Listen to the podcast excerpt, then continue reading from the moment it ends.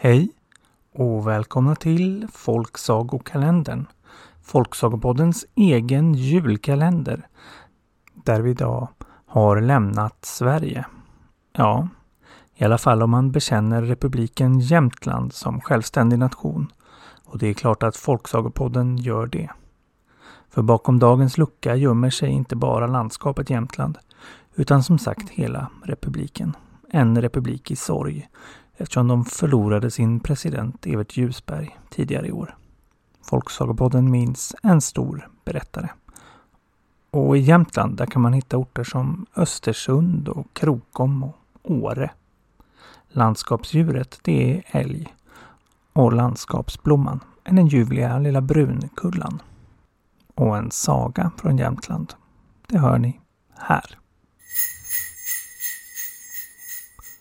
Det var en gång för länge sedan när fan själv hade fått för sig att köpa skog.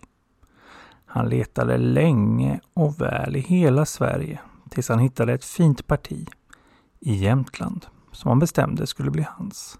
Och eftersom det är djävulen vi pratar om så bestämde han själv priset genom att åka hem till bonden och säga att jag vill ha din skog och som betalning kan du få att jag inte drar ner det i helvetet här och nu.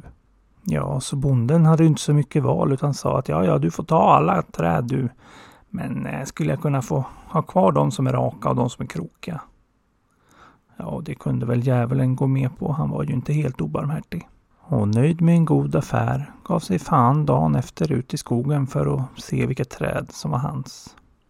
Och där gick han. Ja, den var rak, den var inte min. Den var krokig, den var inte min. Den där är rak, den är inte min. Den krokig, krokig, krokig, de är inte mina. Den där är rak, inte min. Krokig, inte min. Rak, krokig. Och han vandrade på, men ingenstans stötte han på ett träd som inte var rakt eller krokigt. Och legenden säger att han kanske vandrar runt där än idag och letar efter ett träd som är hans.